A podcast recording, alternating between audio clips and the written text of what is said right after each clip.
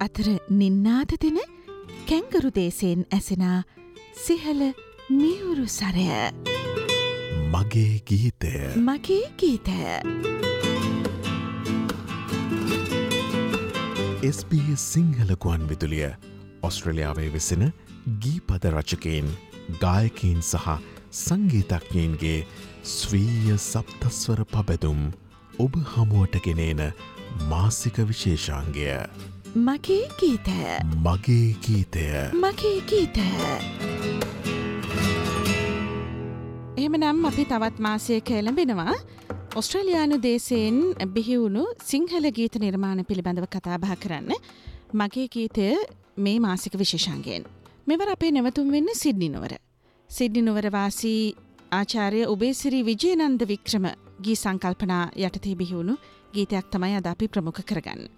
ඔබේ සිරි විජයනන්ද වික්‍රම මහතා දහසක් සිතිවිලි නමින් සංගත තැටයක් මීට වසර කිහිපයකට කලින් නිකුත් කළ. ඒ කාලිදිනං මට අවස්ථාව ලැබුණ. වික්‍රම මහතා සමගින් මේ සාකච්ඡාව කරගෙන යන මේ ගී සංකල්පනා ඇතුළත් සංගත තැටිය පිළිබඳව. නමුත් මෙවර මගේ ගීතය මේ විශේෂන්ගේට ඉන් එක ගීතයක් තෝරගන්නවා. ඒ ගීතය විශේෂයි. විශේෂෙන්ම මේ අපි ජීවත්වන දේශයේ ආදිවාසීන් හා සම්බන්ධව නිර්මාණය වුණු ගී සංකල්පනාවක් වන නිසා තමයි ඒ ගීතය මෙවර මගේ තේරීම බවට පත්වන්නේ. දැන් අපිත් එක්ක සම්බන්ධ වෙලා සිටිනවා ආචාර්ය ඔබේසිරි විජයනන්ද වික්‍රම මහතා. ආයිබෝවන් ඔබට. ආයිබෝවන් දිල්රුක්ෂි. ඔබේසිරි විජයනන්ද වික්‍රම මහතා පිළිබඳව මං කෙටි හැඳින්වීමක් කරන්නම් SBS සිංහල සේවයටත් ඒ මහතාගේ විශේෂිත සම්බන්ධතාවක් තියෙනවා. වසර 1992 සිට වසර 2007 දක්වා වන කාලය තුලදී SBS සිංහල වැඩසටහනේ විධායක නිෂ්පාදක තනතුරු දැරුවේ ඔබේසිරි විජයනන්ද වික්‍රම මහතායි. ඉතින් බොහෝ දෙනෙක් දොන් වික්‍රම කියලා තමයි අඳුරන්නේ නේද වික්‍රම මහතා? එහෙමත් කියනවා. හොඳයි ආයිබෝවන් ඔබට. ආයිබෝවන්. ඔබගේ දහසක් සිතුවිලි කියන මේ සංගත තැටියෙන් හත්වනි ගීතේ වත්ත පහල ඉරහඳ බබලන්නා කියන ගීතය මන් තෝරගත්තේ මං කලින් සඳහන් කරපු ආකාරයට අපි මේ ජීවත්වන රටේ ආදිවාසීන් සම්බන්ධව ඔබ මේ නිර්මාණය කළ තින අපූර්ගී සංකල්පනාවක් වන නිසා. ඇත්තටම වික්‍රමහතා දැන් ඇයි මේ වගේ වූ සංකල්පනාවක් තෝරගත්තේ විශේෂෙන්ම මේක ටිකක් දුර්ලභ අවස්ථාවක් අපි සංක්‍රමණය වෙලා සිටින රටක ඒ රටෙත් සිටින ආදිවාසීන් සම්බන්ධව ගීතයක් නිර්මාණය කිරීම. කොතනින්ද මේ වැඩේ පටන් ගත්තේ? ඇතවසෙන්ම දුල්රුක්ෂි මට හිතුණා මේ ශ්‍රී ලංකාවේ ආදිවාසීන්ගේ ගීතයක ආකෘතිය පදනම් කරලා මේ ගීතය සකස් කරන්න. දැන් උදාහරණයක් හැටියට කිව්වොත් වත්ත පහළ ඉඳ හෙමින් අඳන්න අපොයි කියා බඩ රුජා කියන්න හෙමින් නවුත් අගු පිලක නිදන්න ඔන්න බිලිඳු බෝධිලි මාඳන්න මේ කාව්‍යය මේ වැඩි කවියක්. ඒ ආදිවාසී වැඩි ජන කවිය මගේ පියා මේ බින්තැන්නේ ඉස්කොලවල උගන්නන කාලේ සටහන් කරගත්ත කවියක්. ඉතින් මම හිතාගත්තා මේ මේ කවියේ ආකෘතිය නැත්තම් වදන් කීපයක් හරි උපයෝගී කරගෙන ඕස්ට්‍රේලියානු හඬ මුල්වැසි අඳෝනාව දක්වන්නට පුළුවන් නම් හොඳයි කියලා. ඒක ඇත්ත වශයෙන්ම මට මූලික වශයෙන් හැඟුණු අදහස. හොඳයි දැන් මේ ගේ සංකල්පනාවේ ඔබ මේ මෙරට ආදිවාසීන් හා සම්බන්ධ වන සිදුවීම් කිහිපයක්ම ගොුණු කරගන්නවා මේ පද පේලි කිහිපයට. අන්තරා කොටස ගත්තතින් හෙම උපන් රටේ පුරවැසි නොමවන්න ඔසිවැසි මුල්වැසි හදින් හඬන්න නවසිය හැට හත කැමැත්ත දෙන්න මුල්වැසි පුරවැසි චන්දය දුන්නා ආදි වශයෙන් ඔබ යොදාගන්නවා මේ මේ රටේ සිටින ආදිවාසීන්ට චන්දායිතිය පවා හිමි වෙලා තිබුණ නැහැ අතීතේ ඇතැම් වෙලාවට එක් එක් ප්‍රාන්තවලට පමණක් මේවා සීමා වෙලා තිබුණා. ජාතික වශයෙන් සියලුම දෙනාට අවස්ථාවක් ලැබුණේ නැහැ. නමුත් මෙන්සිස් අගමැතිවරයාගේ ඒ පාලන කාලයේදී එදස්මසිය හැට හත වසරේ සිට සමස්ත ඔස්ට්‍රේලියන වාසි ආදිවාසීන්ට ලැබුණා ඡන්දය ප්‍රකාශ කරන්න. මේ වගේ සිදුවීමක් ඔබ මේ අන්තරා කොටසට යොදා ගන්නවා. ඊට පස්සේ ඔබ මේ අර යුණු පිංගු පිළිබඳවත් සඳහන් කරනවා දෙවන අන්තරා කොටසේ. විශේෂයෙන්ම ආචාර්ය ජෙෆ්රි යුණු පිංගු විශේෂිතයි ආදිවාසී පසුබිමක් සහිත ඔස්ට්‍රේලියානු සංගීතඥවරයෙක්. ඉතින් ඔබ මේ වගේ මේ ආදිවාසීන්ට තියෙන අසාධාරණකම් ඔවුන්ට මුහුණපානට සිදුවුණු අසාධාරණකම් ඔවුන්ගේ වටපිට ඇතැම් විශේෂිත පුද්ගලෙන් මේ වගේ නොයකුත් කාරණ ඔබ පෙළගස්වනවා මේ කෙටි පද පේලි කීපය ඇතුළ තුළදි ගීතයක්කට අපි දන්නවා මේ යම් කිසි සීම සහිත අවකාශයක් ලැබෙන්නේ යම් පද සංකල්පනාවක් සඳහා. මේක අභියෝගයක් වුණේ නැද්ද ඇත්තටම වික්‍රම මහතා? ඇත්ත වශයෙන්ම අභියෝගයක් මගේ හිතුවා මේ ගීතය තුලින් ඔය සංසිද්ධි කීපයක්ම එකතු කරලා දාන්න පුළුවන් නම් හොඳයි කියන එක මොකද මේ එකිනෙක ගීතයකට සංසන් සම්බන්ධ කරනවට වැඩියෙන් අදහස් ගොන්නක් ඒ කියන්නේ අර්ථවත් අදහස් ගොන්නක් සමාජයට හිත කර අදහස් ගොන්නක් ඉදිරිපත් කිරීම වැදගත්තේ කියලා හිතේ කියලා මම හිතුවා. ඉතින් අත් වශයෙන්ම අර දිල්රුක්ෂි කිව්වා 1967 ඕස්ට්‍රේලියානු ආදිවාසීන්ට පළමු වතාවට ඡන්දය ලැබීම සර්වජන ඡන්දය ලැබීම මම හිතුවා ඒක ඉතාමත් වැදගත් කටයුත්තක් කියලා මන්ද තමන් ඉපදුණු රටේ තමන්ට ඡන්ද බලය තිබුණේ නැහැ. ඉතින් එහෙම ජන කොට්ටාසයක් ගැනයි මේ මගේ ගීතෙන් කතා කරන්න කියන එක මට ඒ වෙලාවේ ඇත්ත වශයෙන්ම හැඟුණා. ඒ වගේම අර කිව්වා වගේ ආචාර්ය ජුනිපිංගුගේ ඒ ගීතය කියන්නේ සංගීතයට ඔහුගේ දායාදේ ඒ දායාදේ තුලින් අත වශයෙන්ම විශ්ව සංගීතයට ඔහු මේ ආදිවාසී බස හඳුන්වා දුන්නා. හඬ හඳුන්වා දුන්නා. ඒක මම හිතන්නේ ඒකත් වැදගත් කාරණාවක් කියලා මට හිතුණා. ඇත්තටම මේ අගේ කළ යුතුයි ඔබගේ මේ උත්සාහය දොන් වික්‍රම මහතා මොකද ආදිවාසීන් තාමත් මේ රටේ මුල් අයිතිවාසිකම් දරන පුද්ගලයෙන් මුල් හිමිකරුවන් කියන වගට මේ මේ රටේ ව්‍යවස්ථාවෙන් පවා තාම පිළිගැනීමකට ලක් කල නැහැ. කොන්ස්ටියෂනල් රයිටස් ව්‍යවස්ථාවෙන් ඒ අයිතිය ලැබෙන්න්නට ඕන කියන දේට තාමත් මේ රටේ මුල් වැසියන් සටන් වදිනවා ඒ අයිතිය දිනාගන්න. නමුත් සංක්‍රමණිකයෙක් මේ රටට ඇවෙල්ල මේ රටේ සිටින ආදිවාසීන් පිළිබඳව බොහොම සංවේදී වෙලා යම් සංකල්පනාවක් නිර්මාණය කරනවා ඔවුන්ගේ මුල් භාෂාවෙන්. ඒකත් විශේෂිත අත්දැකීමක් මේක අපි ජීවත්වන මේ රටේ දැනට සංක්‍රමණය වෙලා අපි ජීවත්වන මේ රටේ මුල් වැසියන්ගේ අයිතිවාසිකම් පිළිබඳව සංක්‍රමණික වැසියන් විදිහට අප තුළත් සංවේදනා ජනිත කරන්නට සමත් වන විශේෂිත අවස්ථාවක් කියලා මට මේක විශේෂයෙන් සඳහන් කරන්නට පුළුවන්. ඇත්තට මගේ තේරීම උනෙත් ඒකයි මේ ගීතය ඔබගේ මේ දහසක් සිතිවිලි සංගත තැටියේ තියෙන ගීත 14 අතරින් මේ ගීතේ විශේෂයි කියලා මට දැනුන නිසා.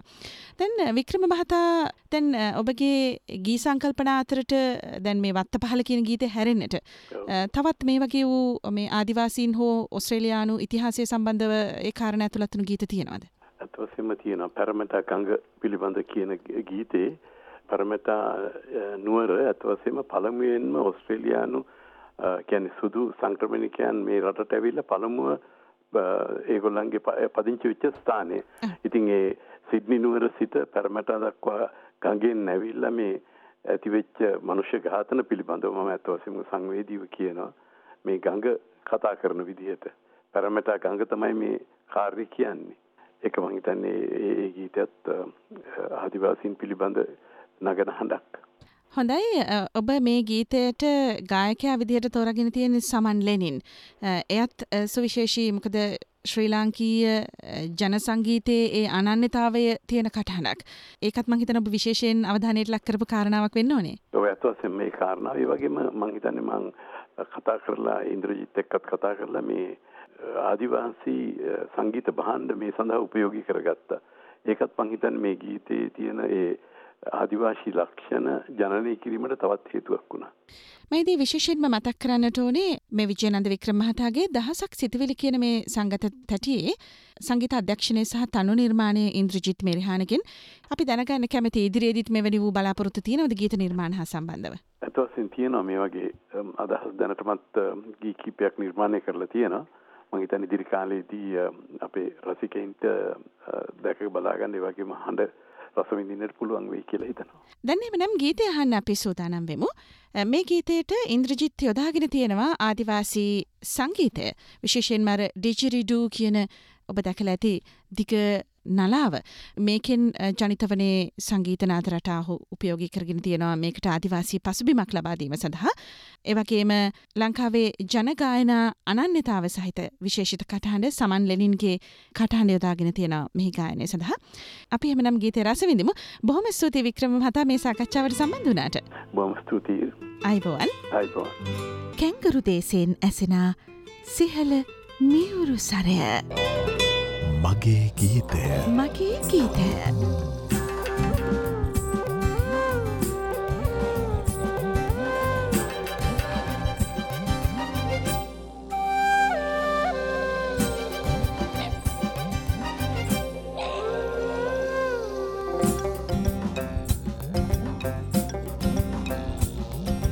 වත්ත පහල ඉරහඳ බබලන්නා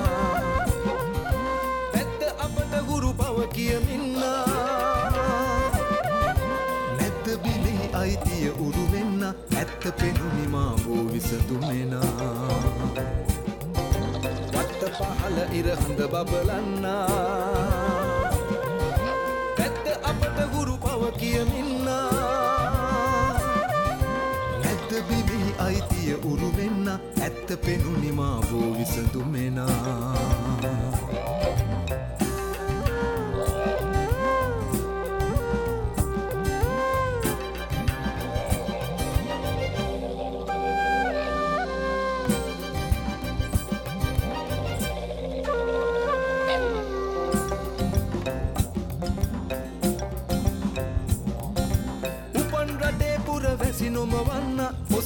ඔසි වැසි මුල් වැසි හදින් හඬන්න.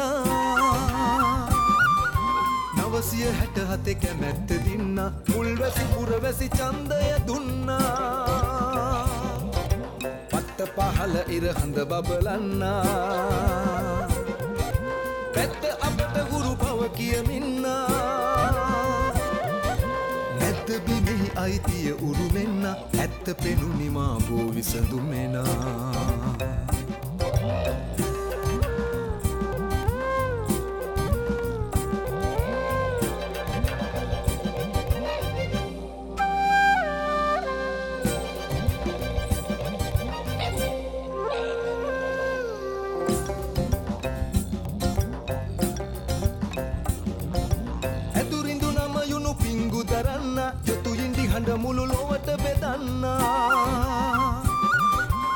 වටපිට සිටිවුන් මවිතව ඉන්න. ඔන්න ඉතින් මුල් වැසි පිළිගන්න. වත්ත පහල ඉරහඳ බබලන්න. පැත්ත අපට ගුරු පව කියමින්නා. නැත්ත බිමෙහි අයිතිය උරුවෙන්න ඇත්ත පෙනුනිමා බෝ විසඳුමෙනා. වත්ත පහල ඉරහඳ බබලන්නා. පැත්ත අපට ගුරු පව කියමින්නා. නැත්ත බිමෙහි අයිතිය උරුවෙන්න ඇත්ත පෙනුනිමා බෝ විසඳුමෙනා සවන්පත්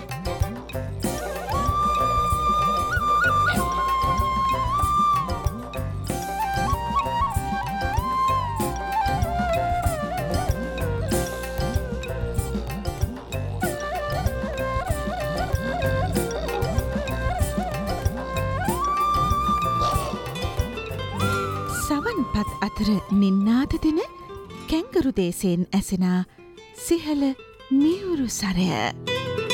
මගේ ගීතය. මගේ ගීතය. ඔසේ දේශයෙන් බිහිවුණු තවත් අලුත් සිංහලගී නිර්මාණයක රසමිහිරමිදින්නට තවත් මාසයක අවසාන බ්‍රහස්පතින්දා අපි හමුයමු.